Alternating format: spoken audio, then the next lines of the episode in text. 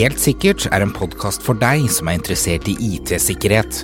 Her tar vi opp aktuelle nyheter, diskuterer dagens sikkerhetsutfordringer og deler gode råd for hva du bør tenke på rundt sikkerhet.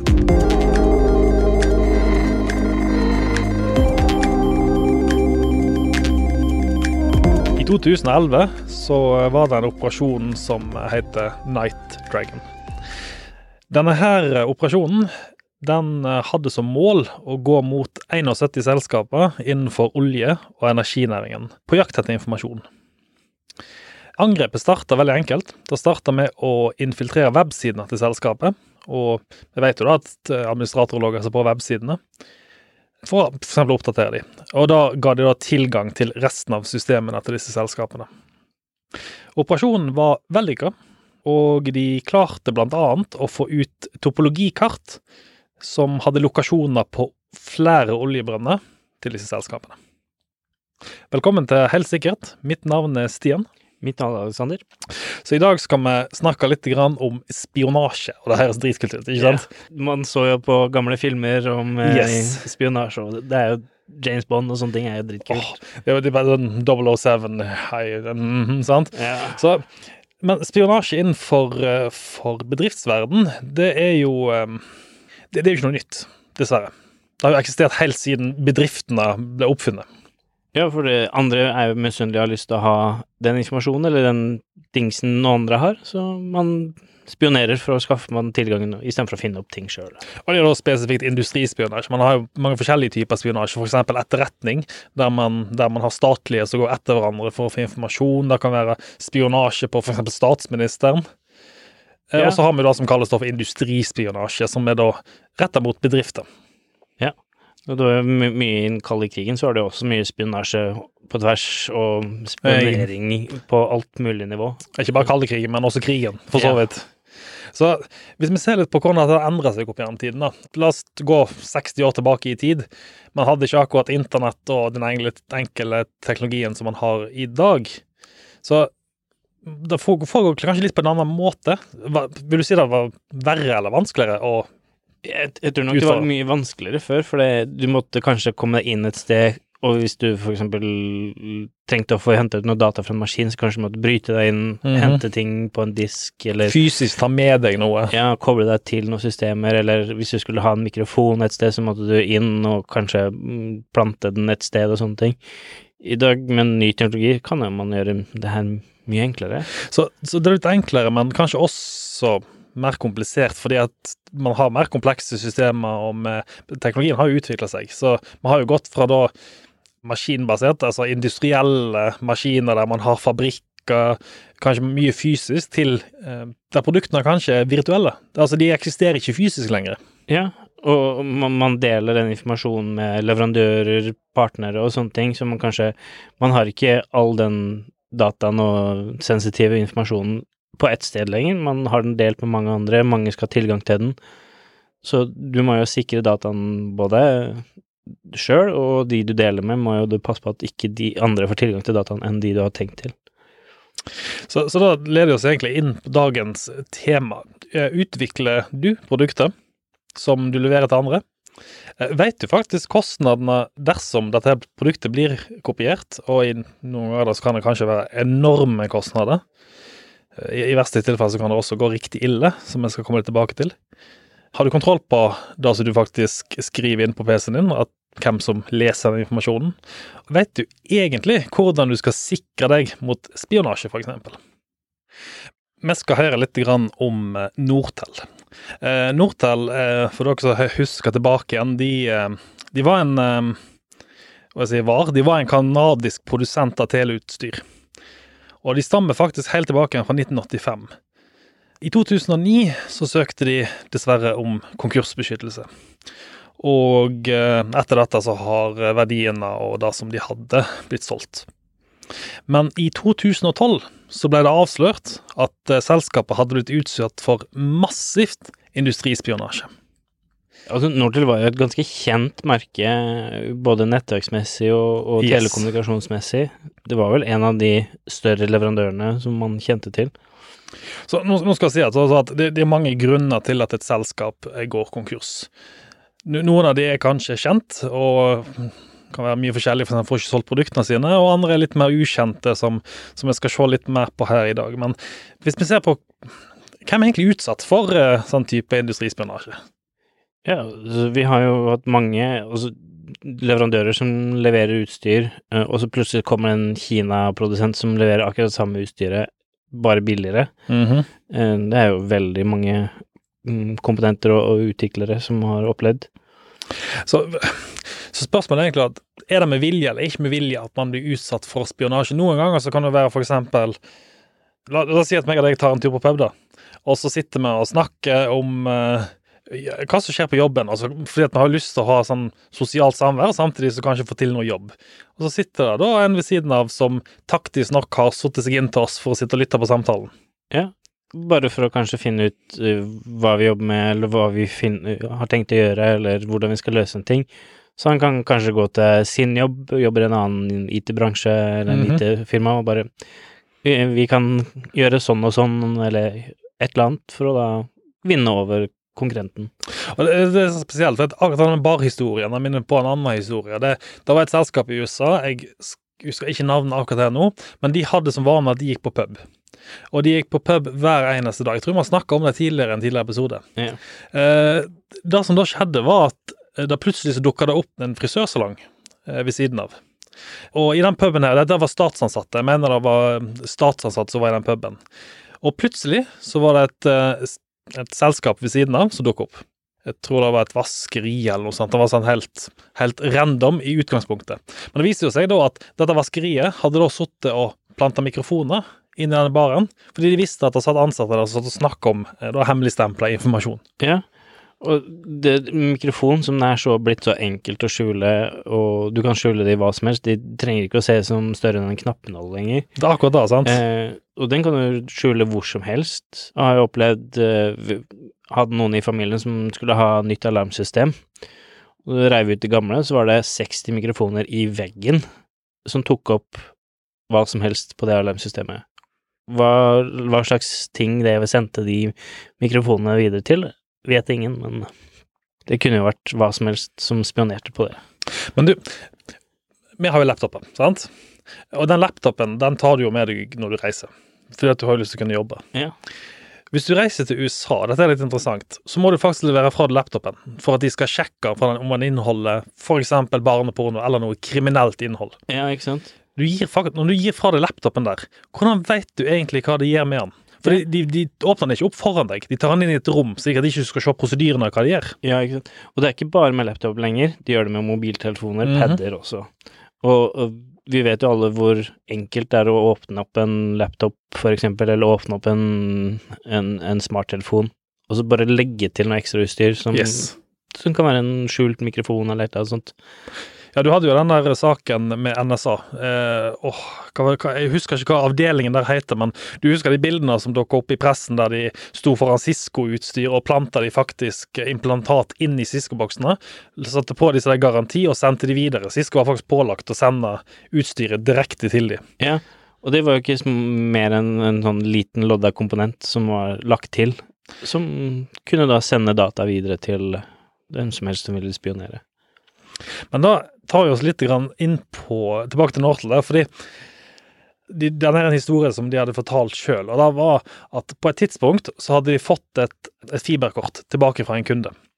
Eh, og på dette ti- tidspunktet, da, som sikkert er 10-15-20 år siden, så var disse fiberkortene ganske mye verdt, for du kunne jo få 10 gigabit og 40 gigabit. Altså Ja, det var ganske mye Veldig verdt mer enn det det er i yes, dag. unik teknologi. Yeah.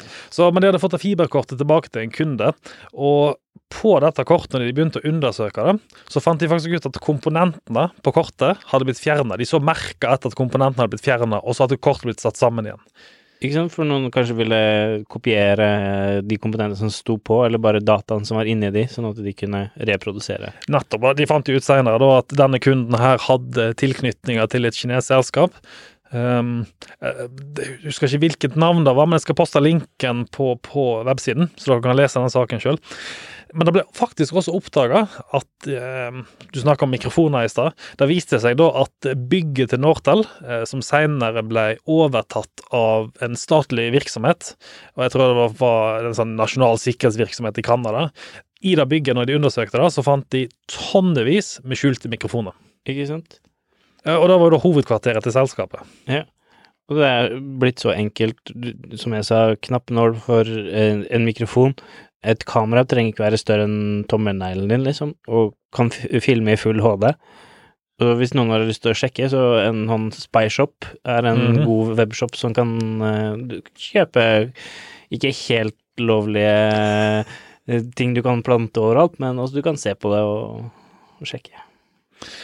Men det tar oss så litt opp på et annet punkt, da, og det er jo hvor handler vi egentlig IT-utstyret vårt? Fordi du snakker om mikrofoner, det er mulig å putte implantater inn i utstyret. Jeg vet hva jeg tenker, men vil du si det er tryggere å gå på Elkjøp og handle, eller vil du si det er tryggere å handle fra komplett.no eller fra en IT-partner?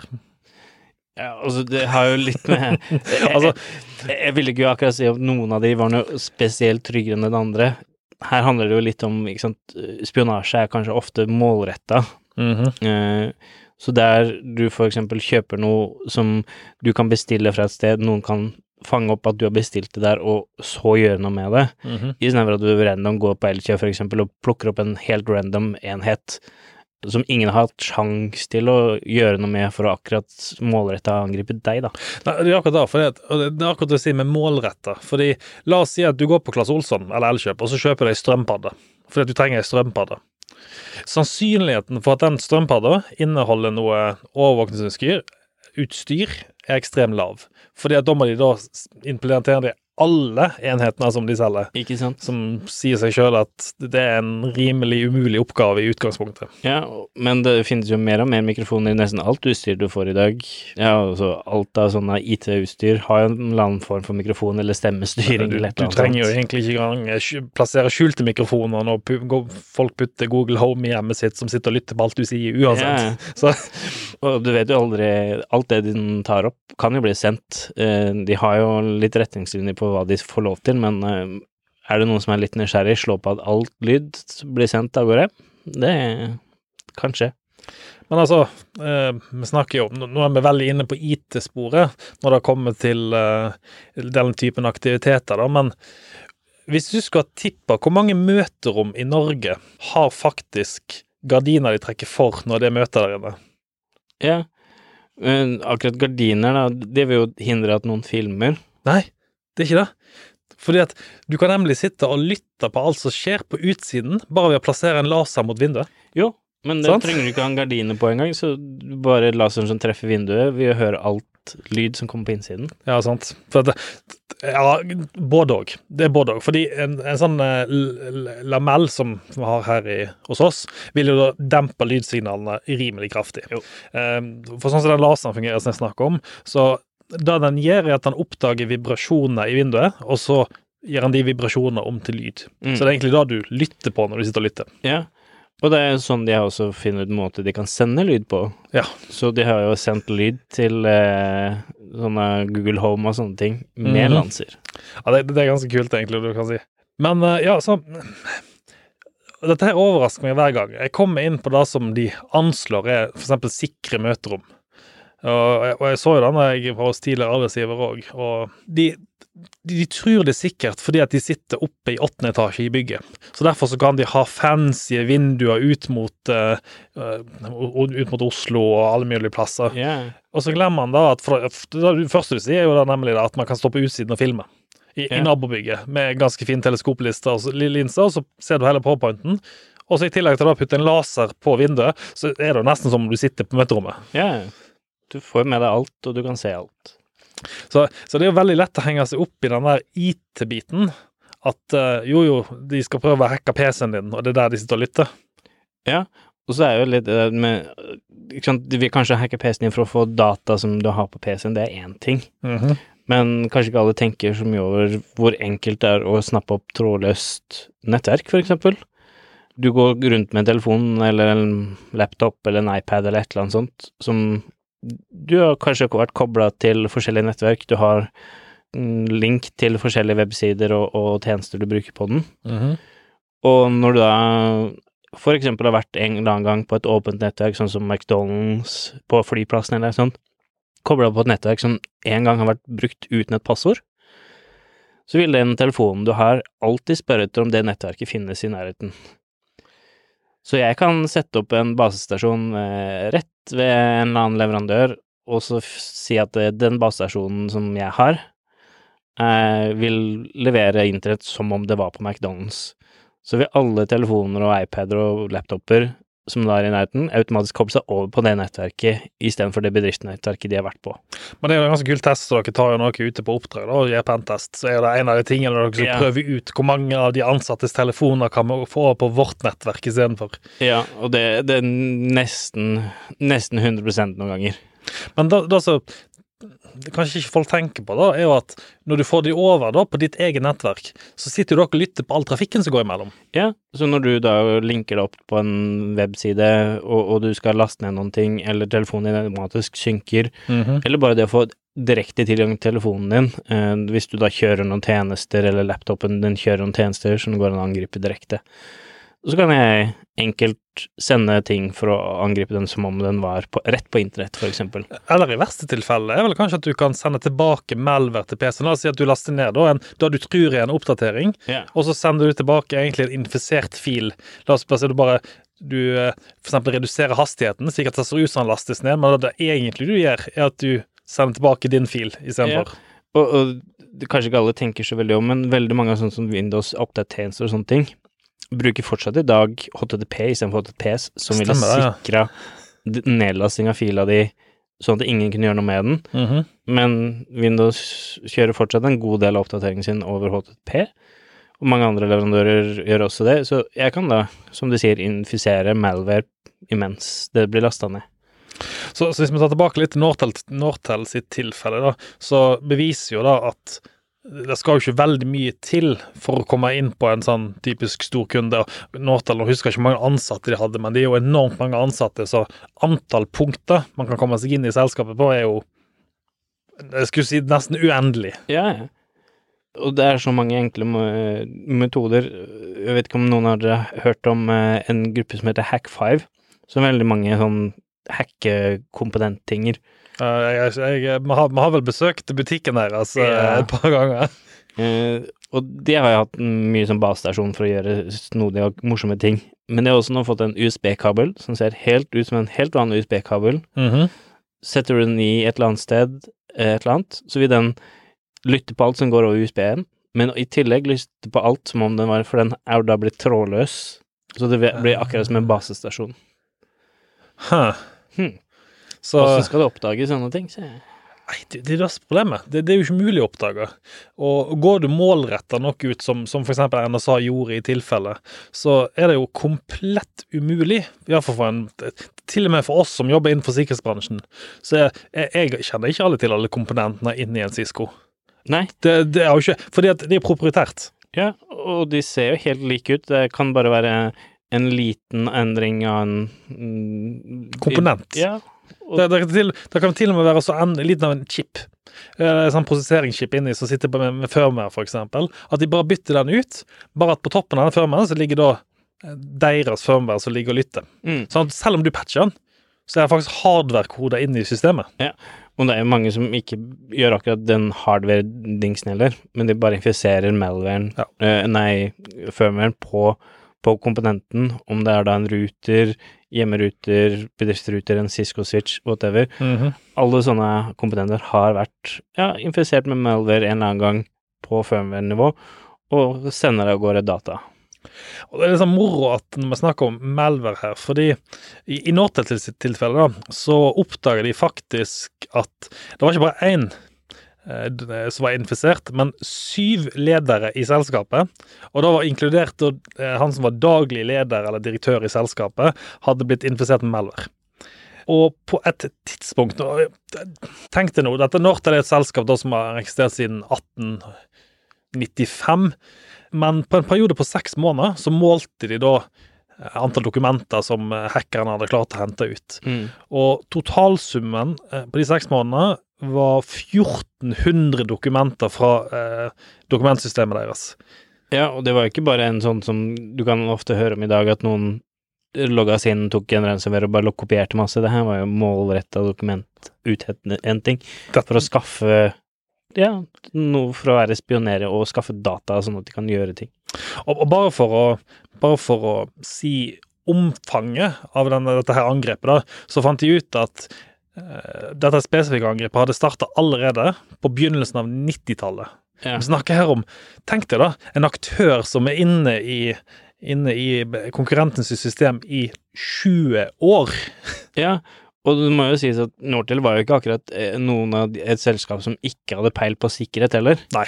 Og tenk deg når sånne ting kan skje i et firma som har mm, ganske grei kompetanse og, og i hvert fall interesse i sikkerhet, hvor -hmm. det har har det vært å komme inn og, og vanskelig å finne ut.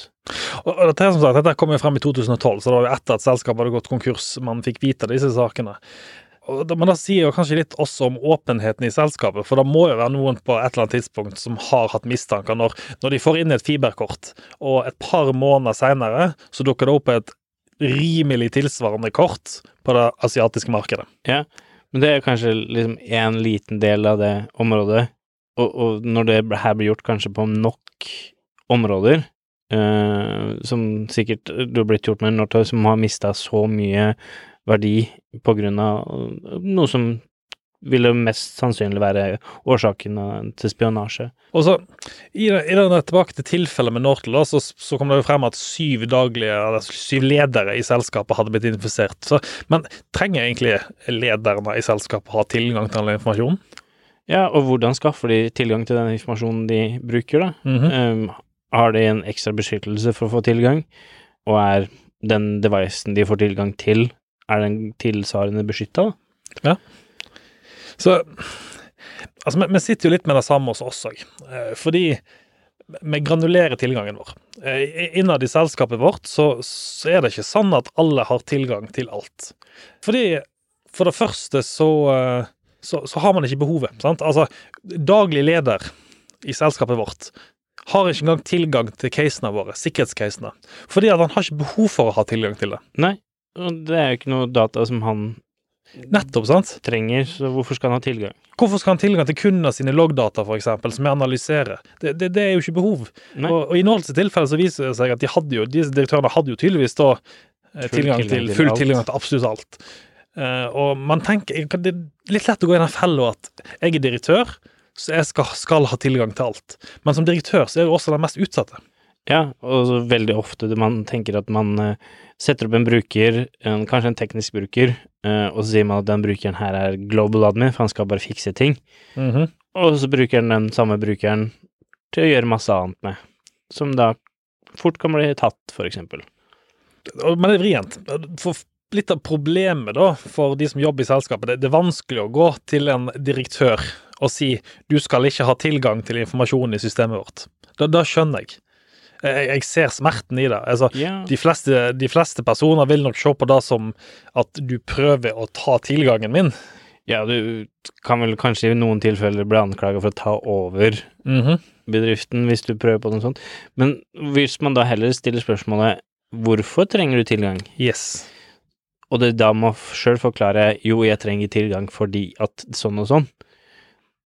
Det vil nok kanskje være litt mer enklere å komme inn med. Um, Så, så, jeg kan, så jeg har et annet eksempel. Jeg skal ikke nevne navnet på bedriften her, men uh, dette selskapet uh, har en tendens til å tenke at dokumentasjonen i systemet skal være tilgjengelig for alle. Fordi at det er jo enklest mulig da, hvis jeg kan bare si til deg her er dokumentasjon, bare les den, og så linker du f.eks. til en Wikipedia-side. Men det de ikke tenker på, er den biten at hvis jeg så skal angripe dere det første jeg ville gjort, er å gå inn og begynne å probe ting. Altså begynne å kjøre rekognosering. Og den beste rekognoseringen, det er passiv. Det er sånne ting som ikke lager støy. Hvis jeg begynner å kjøre skanning og nmap og altså kjøre portskanning, så, så begynner yeah. det å generere Altså har du et sikkerhetssystem, så genererer det alarmer. ja, og du blir veldig fort oppdaga når du gjør det på den måten. Yes. Og det er ikke for ingenting at vi hører om at aktører har vært inne i flere år før de blir oppdaga. Fordi at de, det første de gjør, hvis de er litt på jakt etter eh, spionasjeinformasjon eller får tilgang til mer data så de kan tjene kanskje mer penger enn det det er verdt å gjøre med ransomware og sånne ting, Mhm. så vil du jo gå inn, komme seg inn på en eller annen måte, rolig gå rundt for å leite etter informasjon. Veldig stille og forsiktig. Ja. Og hvis den brukeren du da kommer inn med første gangen, har tilgang til alt, da, da, da har du bare Da har du bare tilgang til alt. Og, så, og da, da som jeg som sagt ville gjort da, i den situasjonen, istedenfor å gjøre den sånn støyende oppgaven Jeg ville funnet eh, hvis, hvis de f.eks. har dokumentasjonssenter i SharePoint, ville funnet SharePointen, bare begynne å laste ned manualer, og funnet manualer til alle systemene som de bruker. For- Fordi da, da, da vil det gi meg all innsideinformasjon, ikke bare til å angripe systemet, men hvis jeg f.eks. skal ringe til helpdesken til selskapet, så har jeg plutselig kontroll på alle systemene som de bruker, så jeg kan mye lettere utgi meg for å være en legitim bruker. Ja. Eh, nå husker jeg ikke helt navnet, men det var en eh, I fjor, tror jeg det var, så var det et firma nede i Australia som hadde vært uh, oppdaga hadde vært angrepet. Og det hadde vært angrepet og, og tatt over, jeg tror det var to år før. Og har du lasta ut 70 terabyte med data. Ehm, så, så gjør det rolig og stille nok, eh, så, så tror jeg du kan få ganske mye data ut. Altså da beviser bare Nortelison 1400 dokumenter på seks måneder. Altså, det er jo egentlig ikke masse dokumenter, men fordi de har tatt veldig De, de laster jo ikke bare over 1400 på, på samme dag. Man tar det rolig og forsiktig, og så blir det ikke oppdaga. Ja. Og, og hvis man da no, Kanskje noen uh, Hvis man har et sikkerhetssystem som faktisk overvåker hvem som har tilgang til filer og sånne ting, gjør man det rolig nok, så kanskje Mm. ikke det er så veldig eh, enkelt å oppdage heller. Uh, så hvis man da begrenser hvem som skal ha tilgang til dokumenter, så man kan oppdage den personen har prøvd på å få tilgang til dokumentene ikke skulle ha nok Mhm. ganger, så er jo det automatisk en alarm. Og det er jo litt med snakk om dette her med tilgang for eksterne leverandører.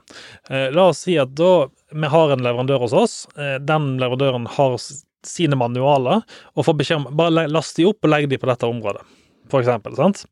Eh, og så sier vi også at her, er tilgang til vår dokumentasjon, fordi at siden du er en leverandør, og vi bruker systemer for dere, eller du bruker systemer for oss, så må jo vi kunne tilby dokumentasjon. Så vi bare gir de tilgang til dokumentasjon. Altså hva er det verste som kan skje? De alle, alle andre har jo uansett tilgang. Ja, fordi man har ofte tillit til den personen man gir det til. Yes. Men om den personen har gitt tilgangen til sine ting til andre, det vet du ikke.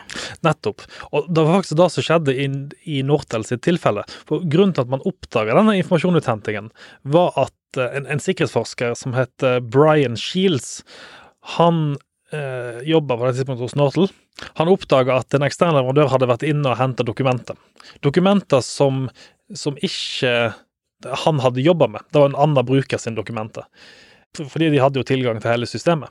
Så når jeg ringte opp og spurte hvorfor har du vært eh, inne og lastet ned disse dokumentene Eh, Altså, det var ikke Brian Shields, det var han eh, som eide dokumentene. Så hadde jeg ringt, han var en selger. Han var en selger i selskapet. Så hvorfor har du vært inne da og lastet ned disse dokumentene? Så ringte han og spurte. Nei, nei, jeg, jeg har ikke dokumenter du snakker om? Uh, Ja. og så, ja, men du, du har jo lastet ned, og så lista de opp navnet på dokumentene, og han bare nei, han har aldri vært inne. Og viste seg da selvsagt at hans, altså leverandøren sin konto hadde blitt kompromittert. Så du må jo da validere alle ting, partnere og alt sånt du har, som, gir, Mhm. som de gir tilgang eh, til den dataen, om de har tilsvarende sikkerhet. Det holder ikke bare med at du sikrer ditt eget eh, system og dine egne ting, når du da gir bort tilganger til noen andre, eller for eksempel at du sender et dokument i fortrolighet over til noen andre som du tror ingen vil dele med deg. Det kan hende de deler med vilje, og det kan hende de deler ufrivillig. Jeg ser jo da at eh, i eh, ganske mange e-poster nå så står det jo sånn her Denne e-posten må ikke deles til andre, bla, bla, bla, bla, bla. Jeg kaller det bla, bla, bla, bla, bla fordi at uh, Hvem bryr seg? Det er jo ingen som Det er ikke noe sikkerhet i det. Nei, det, det er en bevisstgjøring, men det er ingen sikkerhet. Nei. Så, så hvorfor ikke istedenfor bruke en PGP, for eksempel, der man krypterer e-posten slik at det kun er mottaker som kan lese den? Ja. Eh, og det finnes andre løsninger som kan kryptere filene, så Mhm. du har et passord beskytta Altså når du sender over en fil, så og du har sendt passordet eksempel over på en tekstmelding eh, på en annen form enn det du brukte til, å sende eh, fila, så er det bare den som egentlig skulle åpne dokumentet, som får åpna det. Mm. Og hvis du da er flink til å ikke lagre dokumentene ukryptert igjen, så, så, så er det alltid sikra til mm, den brukeren har gitt tilgang til. Men det, gjelder jo ikke bare eksterne leverandører, det gjelder jo også kunder, selvsagt. Fordi vi har en tendens til å gi veldig mye til kundene, fordi at vi har lyst til å beholde disse kundene, så derfor bare pusher vi på ganske mye forskjellig til dem. Ja, Um, altså jeg har jo opplevd eh, litt med å jobbe med leverandører som man tar over fra andre leverandører. Altså du har en kunde som har brukt en annen leverandør, som da du skal flytte over all backup-data, du skal flytte over Mhm. allting. Som du plutselig får tilgang til masse andre ting du egentlig ikke skulle hatt. så jeg sa for det at de ønsker bare at dette her skal gå så smertefritt som mulig, så derfor gir de bare full administratortilgang. Ja, så det, plutselig så Det har vel hendt at du da oppdaga at andres kunder data ligger sammen med deres backup, for eksempel, uten at det her har vært oppdaga fra før. Så, så er jeg litt tilbake igjen til lagring av dokumentasjon, da, fordi en ting er å granulere tilgangen og slikt, men hvorfor f.eks. lagres ikke dokumentasjon kryptert? Det er jo fullt mulig å gjøre det med Adobe i dag. Uh, og sette på passordbeskyttelse på dokumentet. Og pass, passordbeskyttelse i Adobe er jo faktisk kryptering av dokumentet. Ja, så da er det jo kryptert, så du, du må ha et passord for å åpne det. Eh, Du har andre sertifikatkrypteringsalgoritmer som gjør at du bare den maskinen som får lov til som, som får lov til å åpne dokumentet. Uh, Så det, det å oppbevare og sikre dokumenter tilstrekkelig i dag er fullt mulig en enkel løsning. Og selvsagt, det forhindrer jo ikke noen å ta et bilde av skjermen, og, overta, men altså Ja. det, det handler jo om å sette på riktige sikringssider, så det ikke blir enkelt å gjøre det. Altså, du du kan jo aldri garantere 100% med Er det noen som virkelig spionerer på deg? Eh, og det, når det er blitt så enkelt med digitale, i hvert fall det å spionere på lyd og, og bilde og sånne ting, med små kamera og sånne ting eh, Når USB-kabelen din vil stjele all informasjonen din, eh, du har små USB-sticks som eh, later som de er keyboard og stjeler all data og sender den av gårde til, til andre, så du må vite om det, du må ha et tilstrekkelig tiltak, og, og beskytte og, og verifisere. Altså, Det viktigste er å verifisere at den brukeren som du mente skal ha tilgang, er den brukeren den er. Altså, men hvis vi tar tilbake til det australske selskapet som du snakker om, eh, så hadde 74 terabyte med data som overført. Altså, det, er jo det er ganske tydelig at det selskapet ikke hadde noe kontroll på infrastrukturen sin. Det er veldig tydelig. Fordi hadde du hatt f.eks. anomalivarsling, eh, og for de som kanskje ikke vet hva anomali er, det, så, er det egentlig bare noe som er utenfor normalen. Ja, men, men tenk deg det at i det tilfellet her så hadde de holdt på i to år. 70 terabyte på to år er ikke så mye. Det er ikke så mye, men det er jo en jevn strøm av data. Så hvis du har noen som da, eh, for eksempel sånn som et sikkerhetssenter, som sitter og overvåker trafikken, så vil man jo da eh, Man må jo se hvor trafikken går. Ja, ofte ser man hvilken IP-adresse har, Yes. har man brukt mest de siste 30 dagene. Sant? Og, hvis det er da en IP-adresse i Russland, Kina eller et eller annet, Mhm. så, så ringer det en bjelle, skal jeg finne ut hvem det her var, liksom. Da burde iallfall ringe en bjelle for noe. Hvis ikke, så så, så, så, um, så får du med meg å gjøre, for å si det sånn. Yes. Men, uh, men det, det er jo da anomali. Og, men det er veldig lett å knytte seg til folk. Men altså maskinlæring, for eksempel, det, det er jo sånn der åh, Jeg kaller det sånn tullebegrep. Sånn AI. Yeah. Åh, det, det er et fantastisk fint begrep, men det er jo egentlig maskinlæring. Og jobben til den er jo å lære seg til å forfinne finne disse anomaliene. Men som Mm. du sier, hvis dette foregår over to år, så vil faktisk ikke maskinlæring klare å se det, fordi at den oppdager det som en normal aktivitet. Ikke sant? Uh, og det er jo sånn de ofte skjuler seg på grunn av at de gjør ting gradvis, rolig, begynner i det små, og, og på en måte lager ikke noe unormal eh, bevegelser før de har på en måte skaffa alt det de vil ha, og så kanskje de blir oppdaga fordi at dataen ofte er solgt et sted, så Mhm. noen har sett at å, jeg kan kjøpe dataen fra det og det selskapet. Så vi har jo ofte hørt om at selskaper som oppdager at det ble hacka, ikke fra sin sikkerhetspartner, ikke fra, uh, fra IT-leverandøren internt eller noen ting, men at de har funnet dataen på Darknet eller andre steder. Nå snakker vi om selskaper som er ganske store, sånn som Amazon og, og sånne ting, da, men uh, det har skjedd. Og det skjer fortsatt. Altså, da, da tar vi oss tilbake til eh, for tre år siden, så kjørte vi opp et sånt testhåndipott-nett, eh, bare for å se hvem som angriper oss, og hvordan det er. Eh, ikke hvordan det fungerer, men eh, hvem som faktisk er utsatt. Eh, vi gjorde det med et veldig lite nett. Jeg tror vi hadde åtte eller ti noder eller noe sånt. Nå husker jeg ikke navnet på dette her eh, prosjektet. Hvem sa det? Eh, Jeg skal ikke om jeg ut av det. Men uansett, det vi fant ut, er at for det første, så med en gang du putter en server på nett, så prøver folk å komme inn på den. Det er det første.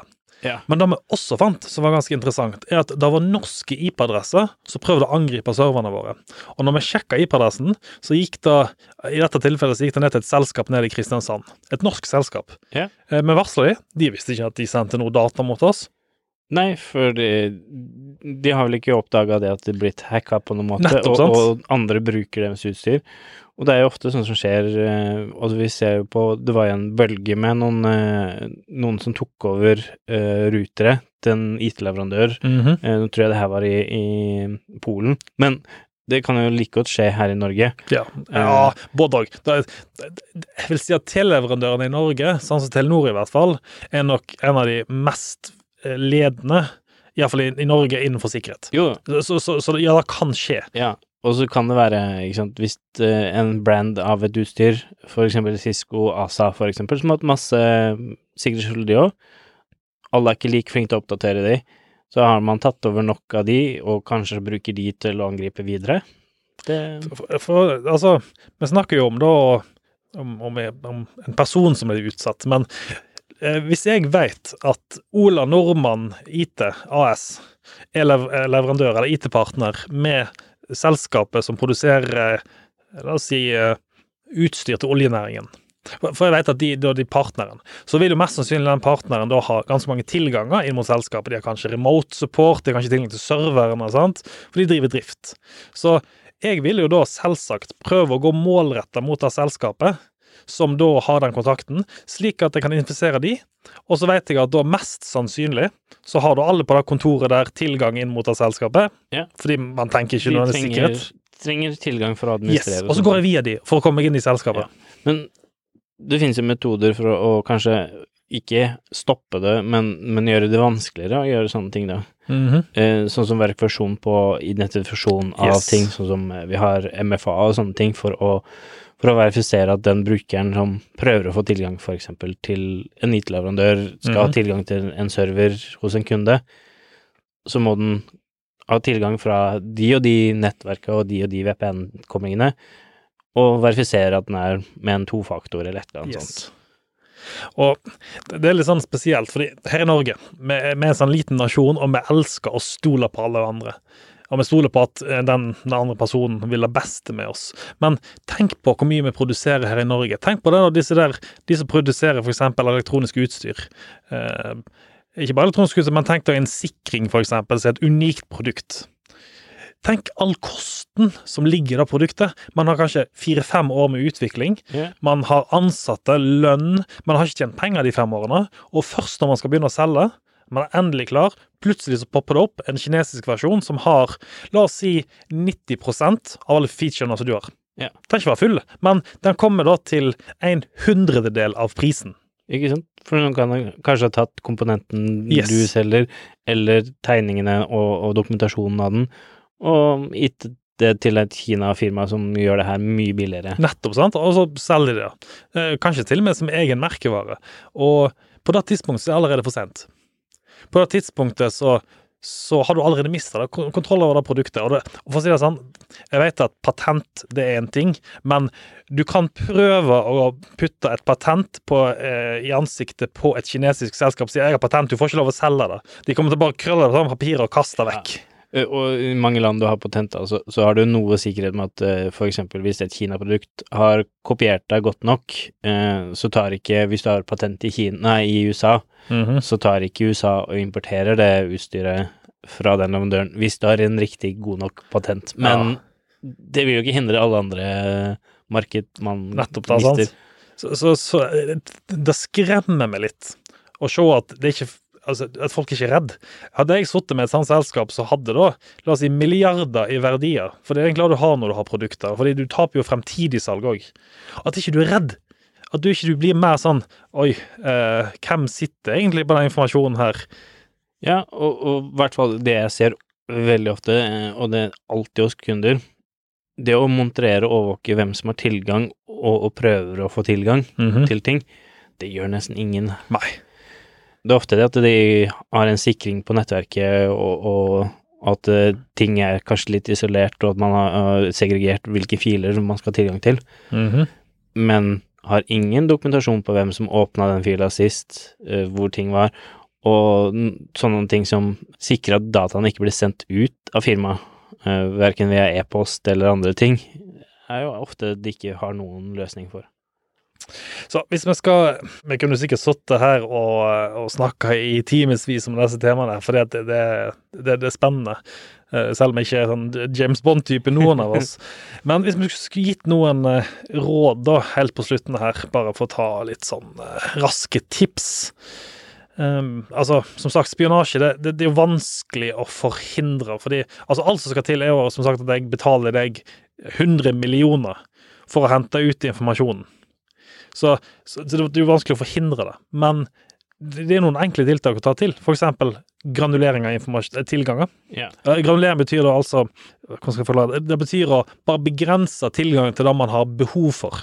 Ja, altså, ikke sant, hvis, hvis eh, resepsjonsdama eh, har tilgang til alle dokumentene, og, og kanskje den resepsjonsdama hadde lett tatt imot en par hundre tusen for å da kopiere alle filene, Nettopp, sant. eh, for det, det er mye mer enn du ville tjent i lønn, for eksempel, så, så har du en veldig lett vei inn. Eller, eller at du har en ansatt som har f.eks. en utvikler. Eh, Nå skal jeg ikke snakke stygt om utviklere, men det, vi finner mye rart på de PC-ene deres. Så det kan være ubevisst. La oss si at du har en utvikler i et selskap da, som utvikler ett produkt. Hvorfor skal han ha tilgang til koden til de 15 andre produktene? Ja, for utviklere er veldig flinke til å laste ned ting de ikke bør gjøre. Ja, Arkitekt òg. Og generelt sett de frie yrkene. De som er litt sånn eh, Kreative. Kreative. La oss, la oss bruke ordet kreativ. uh, vi har jobba innenfor sikkerhetsbransjen en stund, vi begynner å se et noe mønster her. Yeah. Uh, de, de som derimot er uh, mest redde, er faktisk IT-folk. Så det er sånn mest skeptiske. Ja. Men ja, eh, et annet tips så kanskje, sjekk møterommene deres. Eh, vil jeg nok ta opp som et viktig punkt. Eh, jeg kan garantere at 95% av alle som lytter på denne her episoden her nå, aldri har gått og sjekka møterommene med en sånn mikrofoninspeksjon for å sjekke om det er mikrofoner i taket. Og, og hvis du har allerede en mikrofon, sånn som man ofte har i et møterom, Mhm. eh, hvor enkelt har den vært å få nådd eksternt? Ja. Eh, så noen har kanskje tatt over. Eh, Mhm. Hatt en kunde som har mm, tatt over konferansesystemet og brukt det til å både ta opp og, og spionere, og faktisk bruke det utstyret til å ringe ut og tjene penger. Så, Annet tips også på møterom, hvis man går på møterom også, er jo at eh, for det første i hvert fall ha lameller foran vinduet, slik at du forhindrer innsyn, men også bruk dobbeltglass i vinduene. Dobbeltglass er jo lagd for å eh, Det er jo et lag med luft imellom, og den vil jo forhindre den vibrasjonen å gå gjennom vinduet. ja. Det gjør at det er veldig vanskelig for laser å, å lese vibrasjonen. Og har du sånn lameller på utsiden, ta de ned. Da stopper du også laserne veldig effektivt. Ja, for det har ingen direkte tilkobling. Eh, andre ting kan jo være sånn som eh, multifaktor, for å verifisere den brukeren som du har gitt tilgang, om at den er den den er, Mhm. og for eksempel da kryptere filene som man deler eller er sensitive. Eh, og da finnes det løsninger som gjør det sømløst å ha krypterte filer og jobbe med de samtidig. Siste tingen som jeg kanskje har lyst til å nevne, da, som et godt tips, er at eh, dere som reiser utenlands mye, reis med en Chromebook istedenfor. Uh, og jeg skal forklare hvorfor grunnen til det. Er veldig enkelt, fordi at Chromebook den lagrer ikke ting lokalt, han bruker skyen. Det vil si at istedenfor at du har da ting på PC-en din som kan bli snappa opp når du går gjennom eh, disse såkalt sikkerhetssjekkene og da, Nå snakker jeg ikke om USA, for USA er et veldig jeg vil si, sikkert land i hermetegn, men besøker du litt disse her landene nede i Asia, f.eks. Kina og sånt, så kan du fort bli tatt inn til siden av eh, la oss kalle det etterretningstjenestene der nede, der de da putter noe inn på PC-en din, og så installere. Yeah. Men en Chromebook vil jo da f.eks. Eh, bruke internett mens du er der nede til å laste ned dokumentene, og kanskje ha da en USB-penn som er kryptert. Eh, og hvis du bruker TrueCrypt, nå er det en applikasjon som ikke eksisterer lenger, men det den gjorde, var at den tok USB-pennen, og så skjulte den informasjonen og krypterte den, og så lagde den en falsk eh, stasjon oppå. Slik at da, når du puttet den inn i, så så det ut som om det var en, en ekte, og så brukte du TrueCrypt for å hente frem den da skjulte stasjonen etterpå. Ja. Så krypter sensitiv data, egentlig generelt sett. Um, Uh, og, et, og et siste tips, uh, og det er faktisk et veldig godt tips Når dere poster jobbannonser, ikke post for mye informasjon. Beste plassen som uh, du, du det vet nok sikkert sjøl, men de fleste pentester starter jo på Finn. Ja. Iallfall de som er veldig sånn eh, Ja, du begynner i det mørke. Fordi at du har lyst til å finne ut hvilken informasjon selskapet sitter på, hvilket utstyr de bruker, hvilke leverandører de bruker. Ja. Apropos hva vi hadde forrige påskatt om, eh, eller den forrige episoder eh, Det her med utstyr som ble solgt på Finn. Ja, eh, mm, brukt utstyr. Yes. Yes. Sant? Så, så sånne ting som det der, er plassen jeg ville Jeg som person, hvis jeg skulle finne ut mest mulig om selskap, prøvde å hente ut dokumenter, sant. Finn og kanskje gamle PC-er, hvis de så Mm. de er solgt. Og det, det trenger ikke være et innbrudd i selskapet engang. Tenk dere da, der ute nå sitter og lytter, at de trenger faktisk ikke komme inn i selskapet deres for å hente informasjon. Dere gir det til de gratis. Ja. Det er jo det ofte vi ser når vi driver pentesting, hvor mye informasjon som er offentlig Mhm. tilgjengelig. Og, og det er veldig mye av den informasjonen som kan være sensitiv. Og siste, jeg kan ta et siste tips et siste tips før vi gir oss for i dag. Eh, Og det er at hvis du poster dokumenter La oss si at du har en webside der du poster f.eks. Et, et salgsdokument. Inni den docx-en så ligger det metadata. Ja. Og da tenker de fleste kanskje ikke på. Inni PDF-en så ligger det metadata. Og normalt sett så ligger da pathen dokumentet ble lagd som. Og pathen i Windows så er det normalt sett c-kolon users slash username.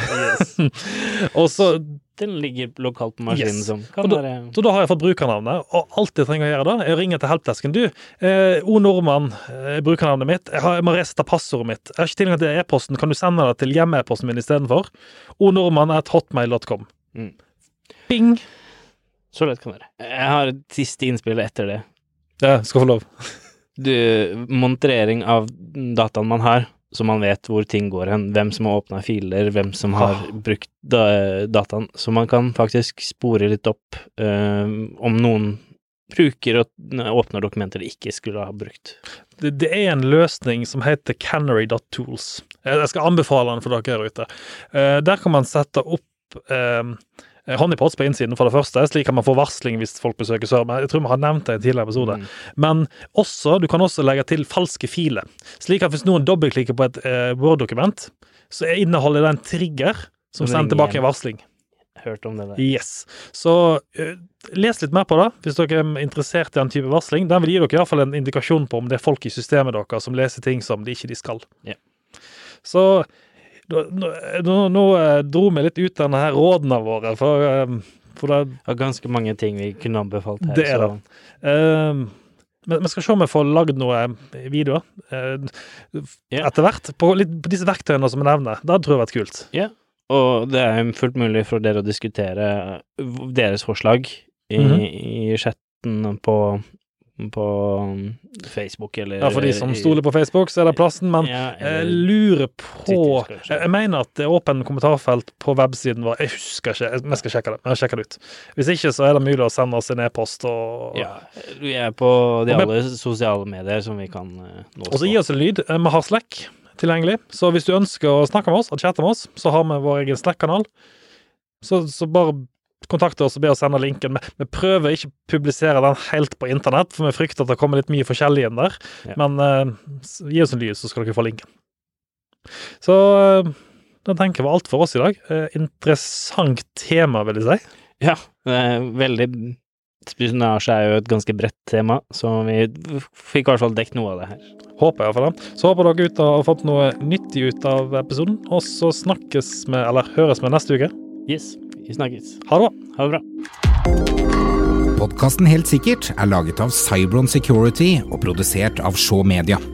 For mer informasjon om IT-sikkerhet, gå inn på cybron.no, eller så finner du oss også på Facebook under navnet Cybron Security. Vi tar gledelig imot innspill, tips, eller om du har spørsmål rundt din IT-sikkerhet.